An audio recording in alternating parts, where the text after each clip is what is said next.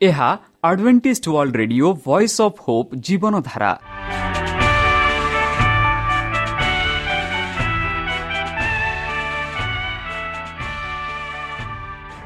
Odia radio କାର୍ଯ୍ୟକ୍ରମ ଯାହା ଆମର ଆନ୍ତର୍ଜାତୀୟ ଆଘାତ କେନ୍ଦ୍ରରୁ ପ୍ରସାରଣ କରାଯାଉଛି ପ୍ରତିଦିନ ରାତି ନଅଟା ତିରିଶ ମିନିଟ୍ରେ। ମୁଁ ସୁବ୍ରତ କୁମାର ପତି ପ୍ରେମର ସହ ଆପଣମାନଙ୍କୁ ଏହି କାର୍ଯ୍ୟକ୍ରମକୁ ସ୍ୱାଗତ କରୁଅଛି। ଚାଲନ୍ତୁ ଆଜିର ତିରିଶ ମିନିଟ୍ର କାର୍ଯ୍ୟକ୍ରମ ବିଷୟରେ ଜାଣିନେବା। ପ୍ରଥମେ ରଖିଛୁ ଆଧ୍ୟାତ୍ମିକ ଭକ୍ତିମୟ ଗୀତ। ଏହାପରେ ଶୁଣିବା ସ୍ୱାସ୍ଥ୍ୟ ବିଷୟରେ ଯାହା ଆମର ଦୈନିକ ଜୀବନରେ ଅତ୍ୟନ୍ତ ଜରୁରୀ। ଆଉ ପରିଶେଷରେ ଶୁଣିବା ପରମେଶ୍ୱରଙ୍କ ଭକ୍ତଙ୍କଠାରୁ ଜୀବନଦାୟକ ଈଶ୍ୱରଙ୍କ ବାକ୍ୟ। ପ୍ରିୟ ଶ୍ରୋତା ତାହେଲେ ଚାଲନ୍ତୁ ଶୁଣିବା ଏକ ଆଧ୍ୟାତ୍ମିକ ଭକ୍ତିମୟ ଗୀତ।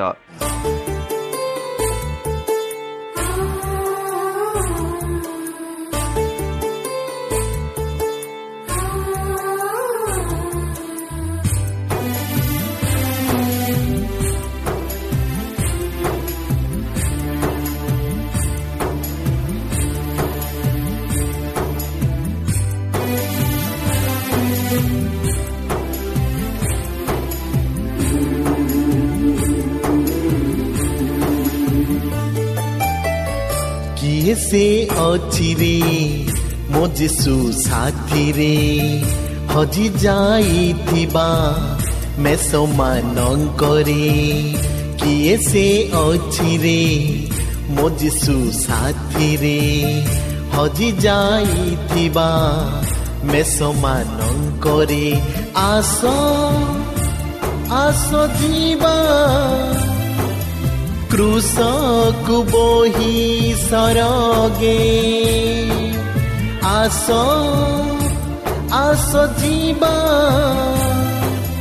କୃଷକୁ ବହି ସରଗେ ଶାନ୍ତି ବସାଇ ଆନନ୍ଦ ଗାଇ ଜଗତେ ଆମେ କୃଷକୁ ଚିହ୍ନାଇ କିଏ ସେ ଅଛି ରେ ମୋ ଯୀଶୁ ସାଥିରେ ହଜି ଯାଇଥିବା ମେଷମାନଙ୍କରେ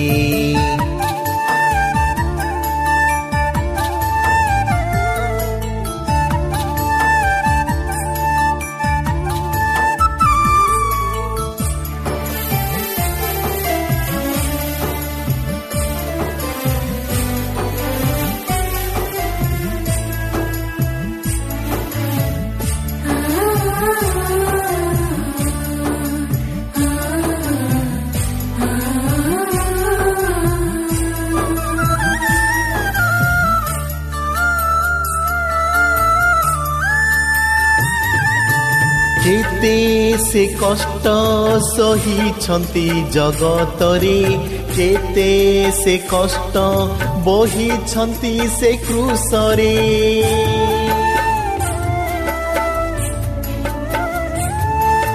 କେତେ ସେ କଷ୍ଟ ସହିଛନ୍ତି ଜଗତରେ କେତେ ସେ କଷ୍ଟ ବହିଛନ୍ତି ସେ କୃଷରେ ଦୟାରେ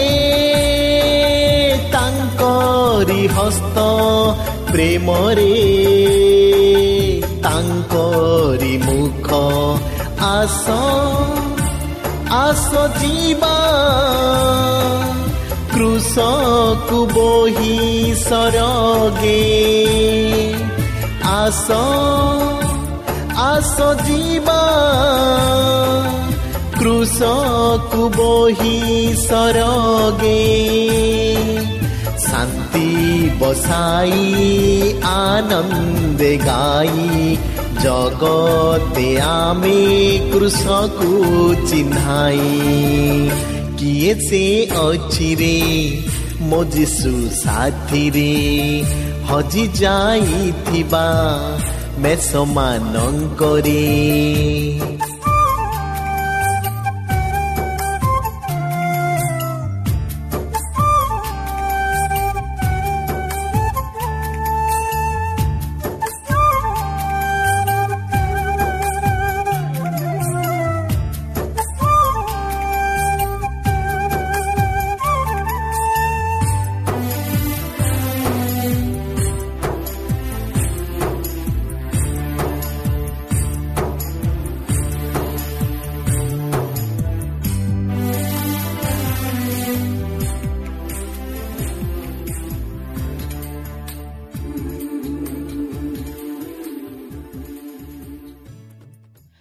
শ্রোতা আমি আশা করুছু যে আমার কার্যক্রম আপনার পসন্দ লাগুব আপনার মতামত পাই আমার এই ঠিকার যোগাযোগ করতু আমার ঠিকনা advantage media centre SDA mission compound সাি park Pune চারি এক এক শূন্য তিন সাত ମହାରାଷ୍ଟ୍ର।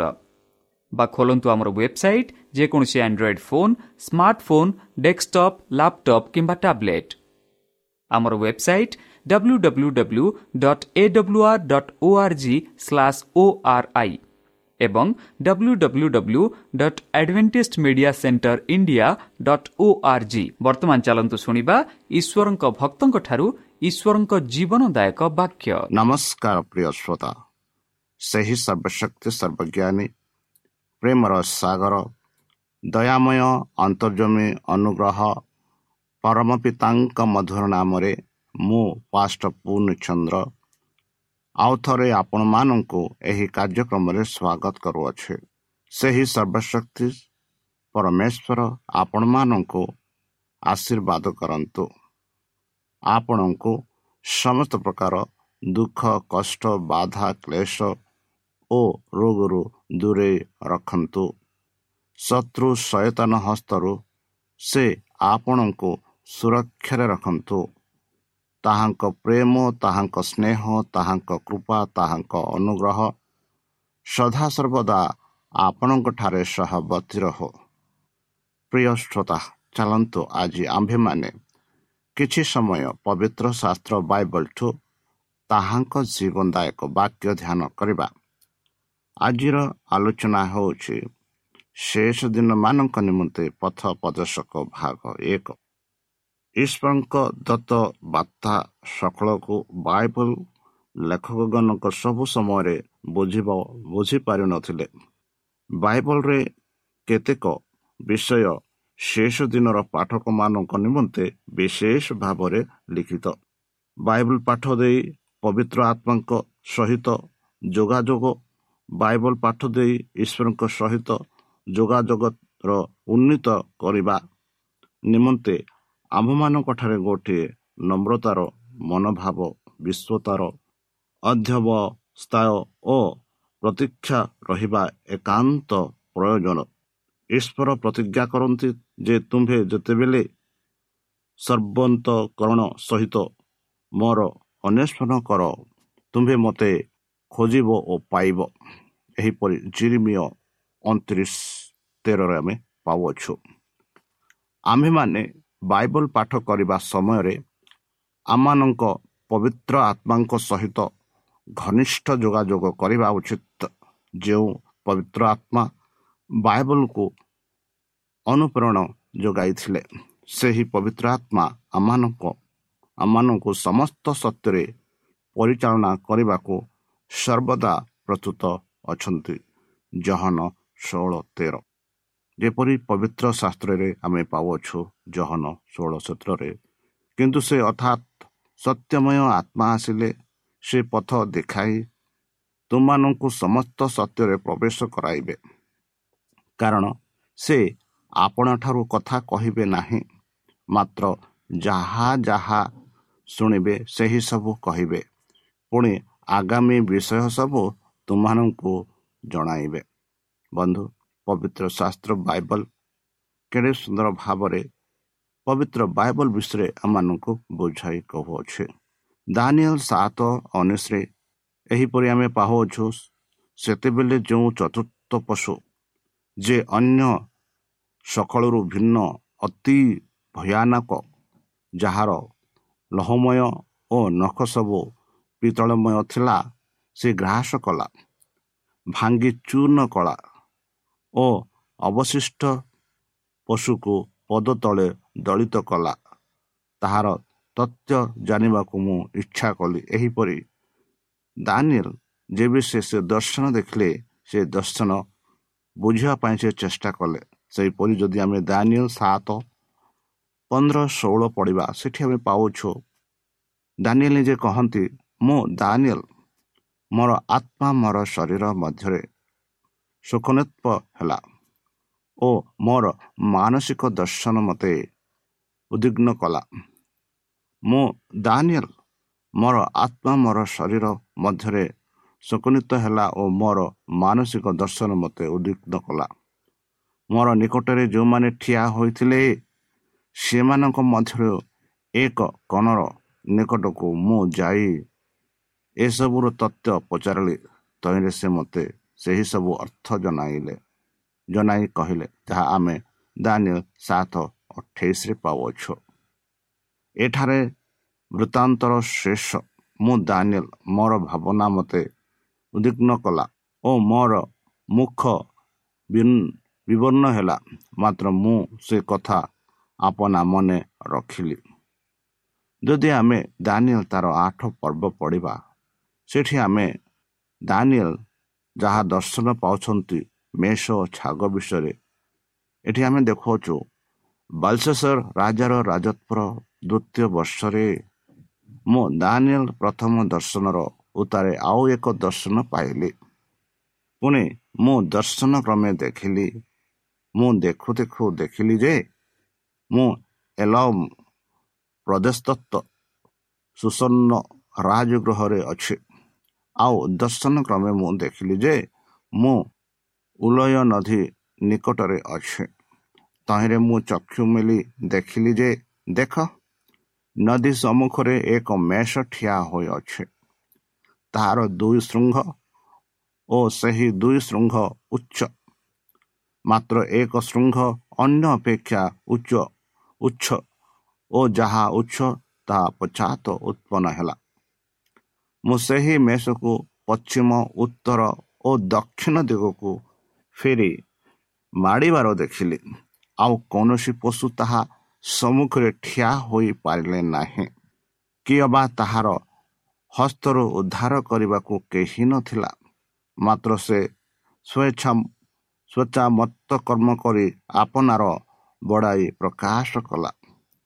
ପୁଣି ମୁଁ ଏ ବିଷୟ ବିବେଚନା କରୁ କରୁ ଦେଖିଲି ଯେ ଦେଖ ଏକ ଛାଗ ପଶ୍ଚିମ ଦିଗରୁ ସମୁଦାୟ ପୃଥିବୀ ପାର ହୋଇ ଆସିଲା ଓ ସେ ଭୂମି ସ୍ପର୍ଶ କଲା ନାହିଁ। ଆଉ ସେହି ଛାଗର ଦୁଇ ଚକ୍ଷୁ ମଧ୍ୟରେ ଗୋଟିଏ ବିଲକ୍ଷଣ ଶୃଙ୍ଗ ଥିଲା। ଆଉ ମୁଁ ଯେଉଁ ଦୁଇ ଶୃଙ୍ଗ ବିଶିଷ୍ଟ ମେଷକୁ ନଦୀ ସମ୍ମୁଖରେ ଠିଆ ହେବାର ଦେଖିଲି ତାହା ଆଡ଼କୁ ସେ ଆସି ଆପଣା ବଳର ପ୍ରଚଣ୍ଡତାରେ ତାହା ଉପରକୁ ଧାଇଁଲା।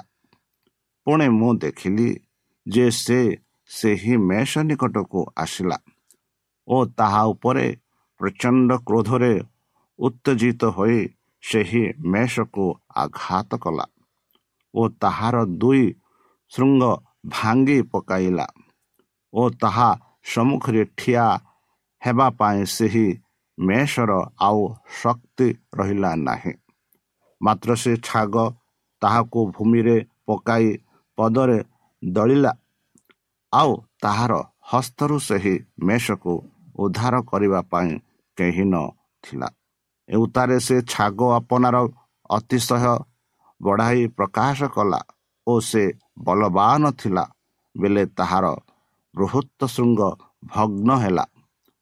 ଆଉ ତହିଁର ପରିବର୍ତ୍ତରେ ଆକାଶର ଚତୁର୍ଥ ଚତୁର୍ଥ ଦିଗ ଆଡ଼େ ଚାରି ବିଲକ୍ଷଣ ଶୃଙ୍ଗ ଉତ୍ପନ୍ନ ହେଲା।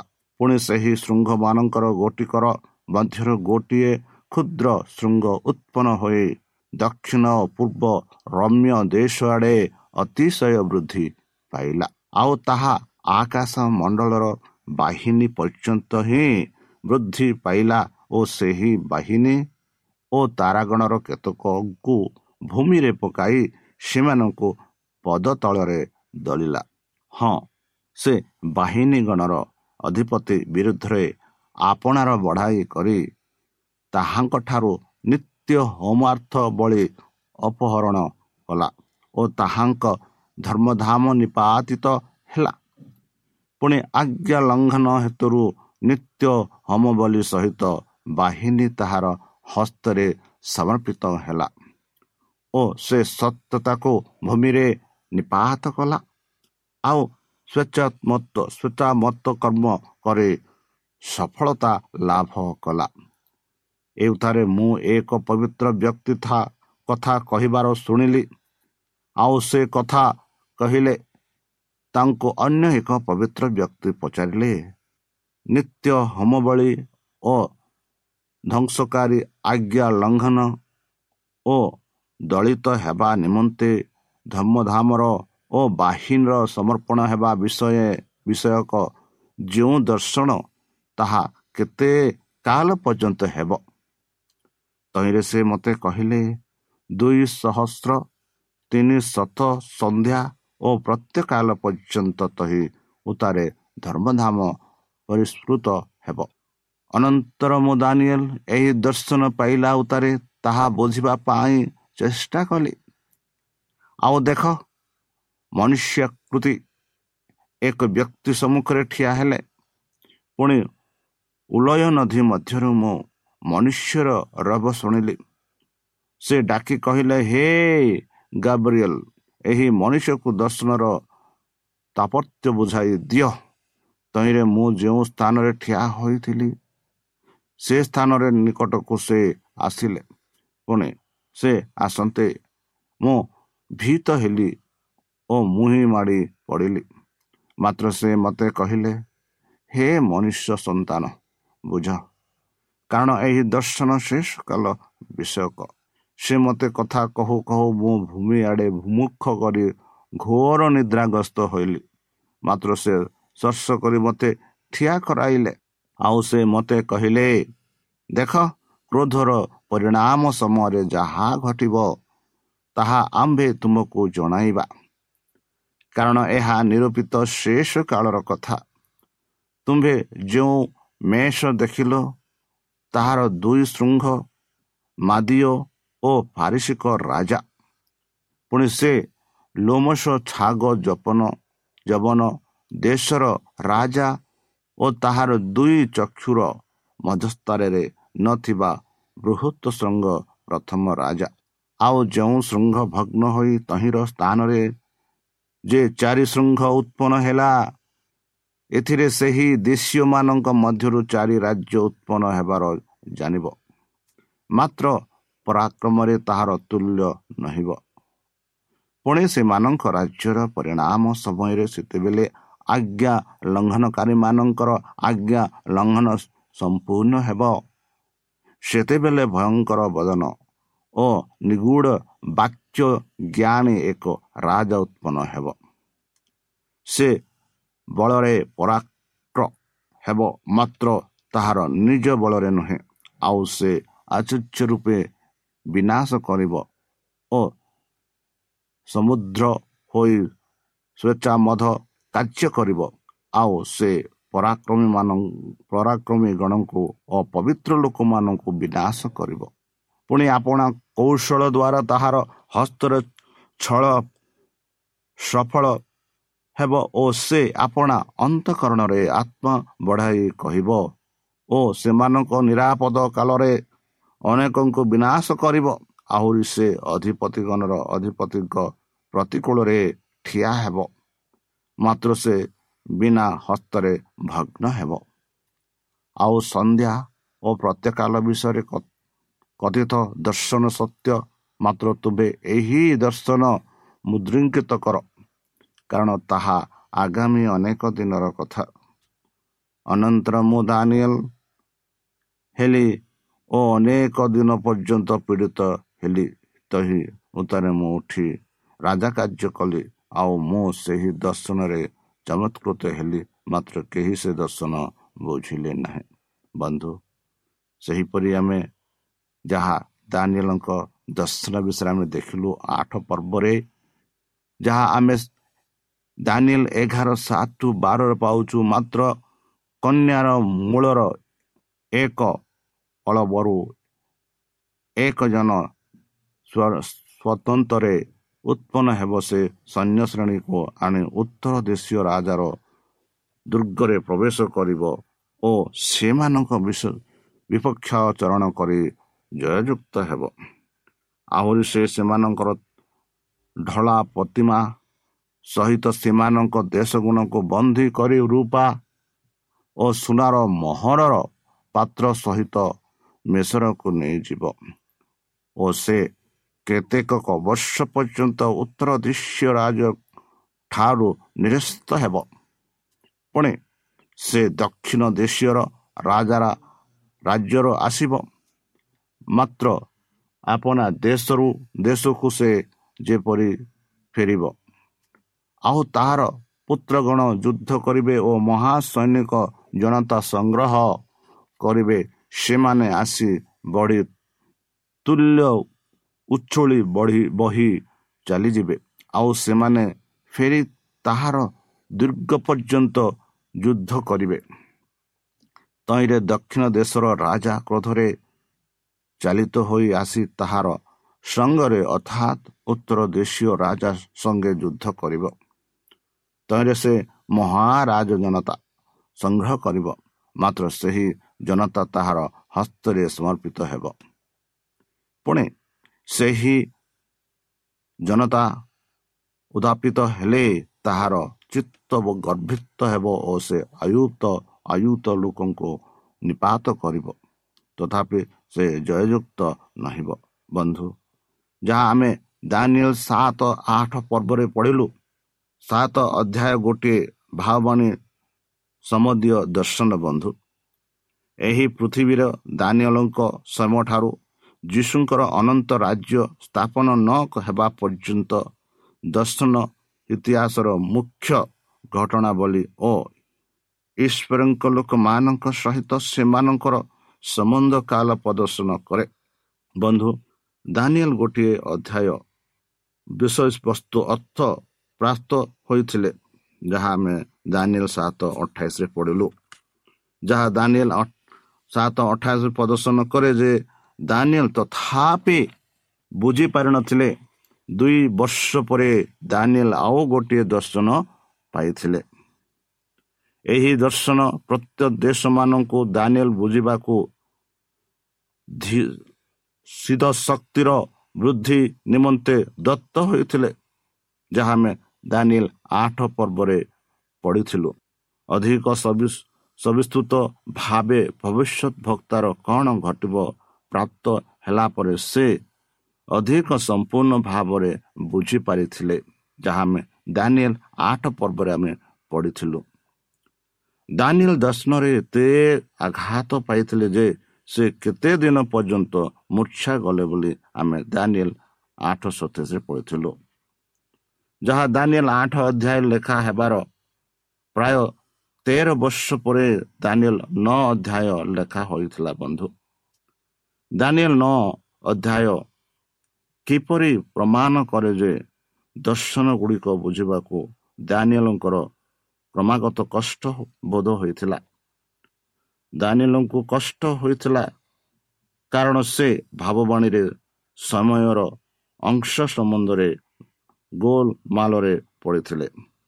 ସେ ଆଉ ମଧ୍ୟ ଚିନ୍ତା କରିଥିଲେ ଯେ ଜିରିମିୟ ଯେଉଁ ସତୁରି ବର୍ଷ ବନ୍ଧୀର ସମୟର କଥା ପୂର୍ବରୁ କରିଥିଲେ ସେହି ସମୟ ସହିତ ଦର୍ଶନର ସମ୍ପର୍କ ଥିଲା। ଦାନିଏଲ ଉତ୍ତର ପାଇବାକୁ ଅନ୍ୱେଷଣ କଲେ। ଦାନିଏଲ ପ୍ରାର୍ଥନା କରିବା ସମୟରେ ଗାବ୍ରିଏଲ ଦୂତ ଦାନିଏଲଙ୍କ ପାର୍ଶ୍ୱରେ ଠିଆ ହୋଇଥିଲେ।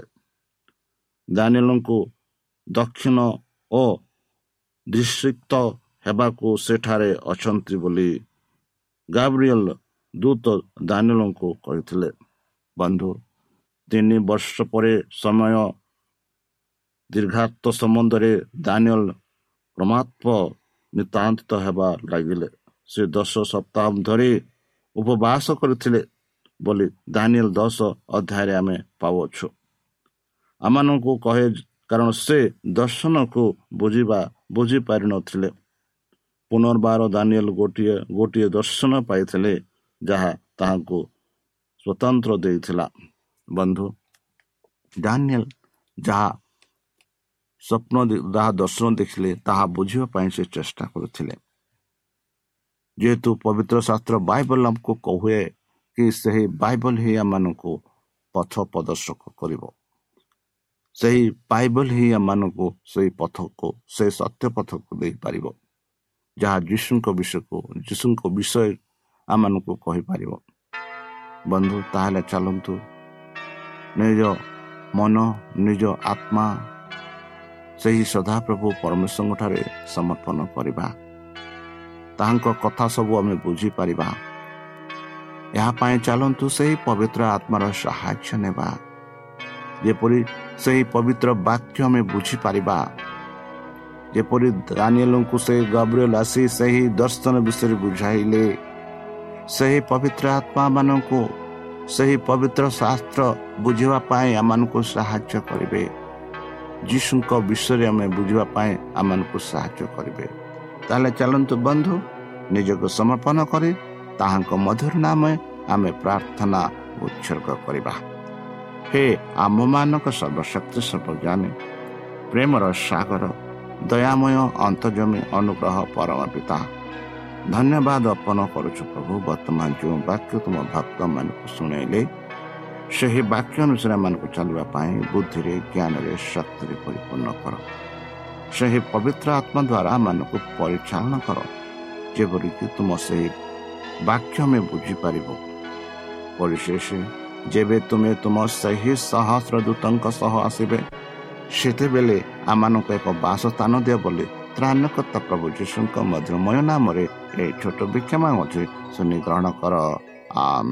ପ୍ରିୟ ଶ୍ରୋତା ଆମେ ଆଶା କରୁଛୁ ଯେ ଆମର କାର୍ଯ୍ୟକ୍ରମ ଆପଣମାନଙ୍କୁ ପସନ୍ଦ ଲାଗୁଥିବ। ଆପଣଙ୍କର ମତାମତ ଜଣାଇବା ପାଇଁ ଆମର ଏହି ଠିକଣାରେ ଯୋଗାଯୋଗ କରନ୍ତୁ। ଆମ ଠିକଣା Adventist media centre SDA mission compound Salisbury park Pune ଚାରି ଏକ ଏକ ଶୂନ ତିନି ସାତ ମହାରାଷ୍ଟ୍ର।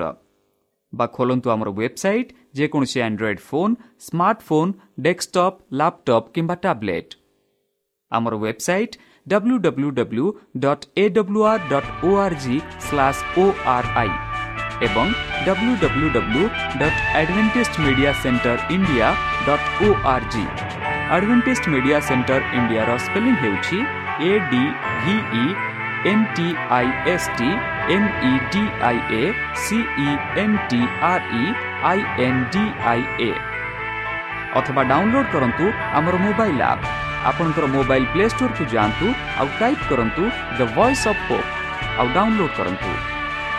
ଈଶ୍ୱର ଆପଣଙ୍କୁ ଆଶୀର୍ବାଦ କରନ୍ତୁ। ଧନ୍ୟବାଦ।